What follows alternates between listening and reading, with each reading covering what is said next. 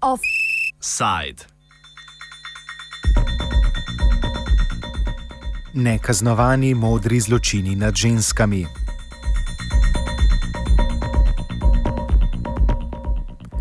Predstavniki mednarodne nevladne organizacije Ženske v Črnem iz Londona in Beograda so sprožili kampanjo Stop imuniteti modrih čelad, s katero želijo opozoriti na nedotakljivost pripadnikov mednarodnih mirovnih misij, ki so se v različnih svetovnih kriznih žariščih namesto ustvarjanju miru posvečali zločinom nad ženskami.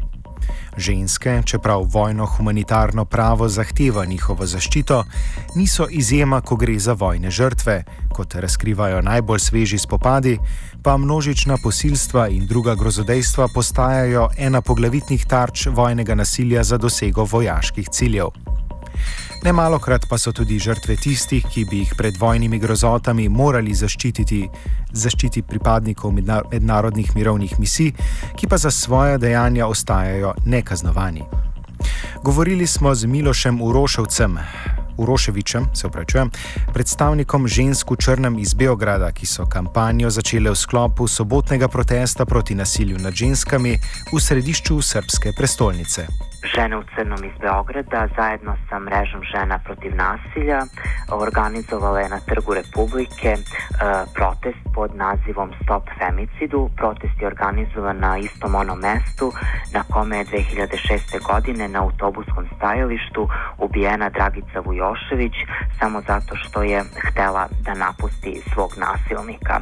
Tog dana žene u Crnom su takođe pokrenule i međunarodnu kampanju zajedno sa ženama u crnom iz Londona pod e, nazivom Stop nekažnjivosti plavih šlemova, a sve sa ciljem da se svi oni pripadnici mirovnih misija koji čine seksualne zločine nad ženama u zemljama u kojima su stacionirani e, kazne.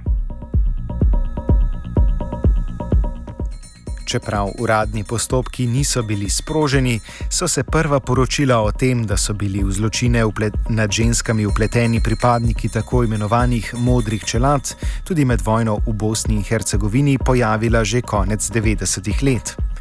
Zato sta najbolj zaslužni takratna vodja pisarne Združenih narodov Medelin Ris in sodelavka skupine Združenih narodov za nadzor nad delom policije Catherine Bolkovac, ki sta kot prvi razkrili, da mirovniki v Bosni povzročajo predvsem nemir in zločine nad ženskami.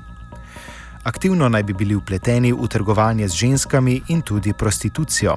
Za svoje žvižgaštvo je bila Risova kasneje nagrajena z odstranitvijo z položaja, zločini so ostali nekaznovani, nadaljevali pa so se v drugih vojnih konfliktih po svetu. Mi, mi znamo prvi izveštaj o seksualnom nasilju koje čine pripadnici mirovnih misija. Mi smo dobili već uh, s ratom u Bosni iz 1995. godine, a zatim je tu došao odmah rat u Kongu, Ruanda i Kosovo. Žene su svedočile o jednom, o jednom uh, velikoj, velikom postotku zastupljenosti seksualnog nasilja koj, kojima su one izložene od strane mirovnih misija.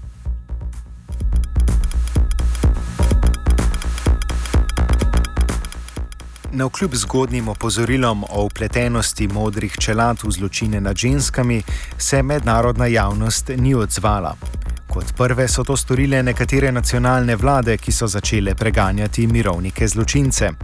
Prva je to storila Finska. Bivša finska predsjednica Elizabeth Ren ili ministarka vanjskih poslova, mislim, uh, donela jednu uredbu i to je finski parlament usvojio kao zakon da se uh, svi oni pripadnici mirovnih misija iz Finske koji budu optuženi za seksualno nasilje nad ženama budu momentalno opozvani i gonjeni pred sudom. Slična nezakone su usvojile Švedska i Norveška.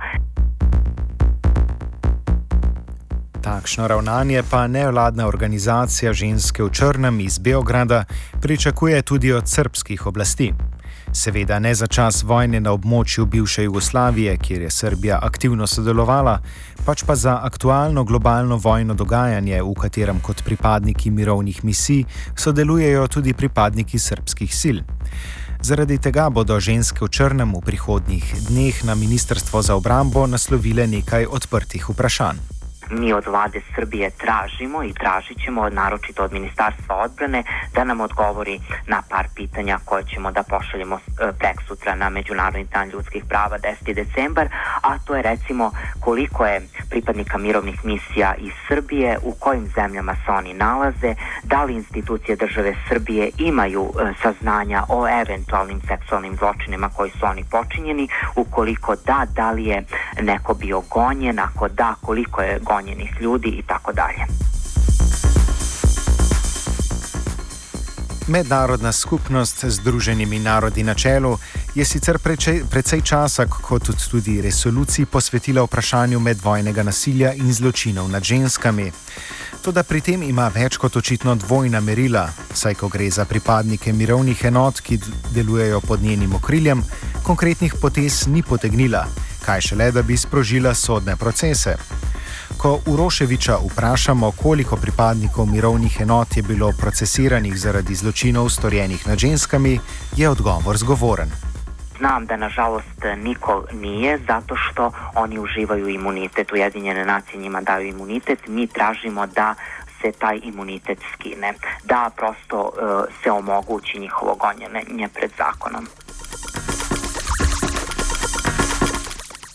Mednarodni dokumenti in resolucije Združenih narodov tako nikjer ne opredeljujejo vojnih zločinov mirovnikov nad ženskami, kljub temu, da so sicer to vrstna grozodejstva, razen seveda za nosilce modrih čelad, ki uživajo pravno zaščito, že vrsto let posebej preganjena na Mednarodnem vojnem sodišču v Hagu.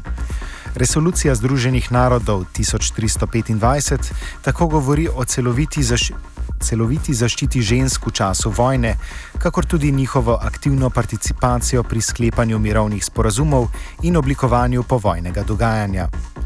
V tem pogledu je bil po mnenju Uroševiča, s katerim zaključujemo današnji offside, dosežen določen napredek, saj je vprašanje vojnega nasilja nad ženskami zauzelo potrebno mesto. E, ta tema jeste prosto došla do nekih, da kažemo, e, donosioca odluka i mi se iskreno nadamo da će se na toj temi još više i više raditi. Na kraju krajeva mi takođe imamo i krivične tribunale Ujedinjenih nacija koji su silovanje u ratu procesuirali kao ratni zločin i zločin protiv čovečnosti. Mi to nismo imali, mi to tek imamo sa pojavom Haškog tribunala i tribunala u Aruši. Več o vojnih zločinih pripadnikov mirovnih enot pa tudi v prihodnjih dneh, ko bomo pripravili pogovor z Medelin Ris, ki je o tem spregovorila kot ena prvih.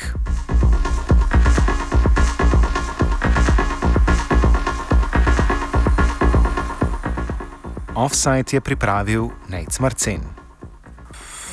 Off.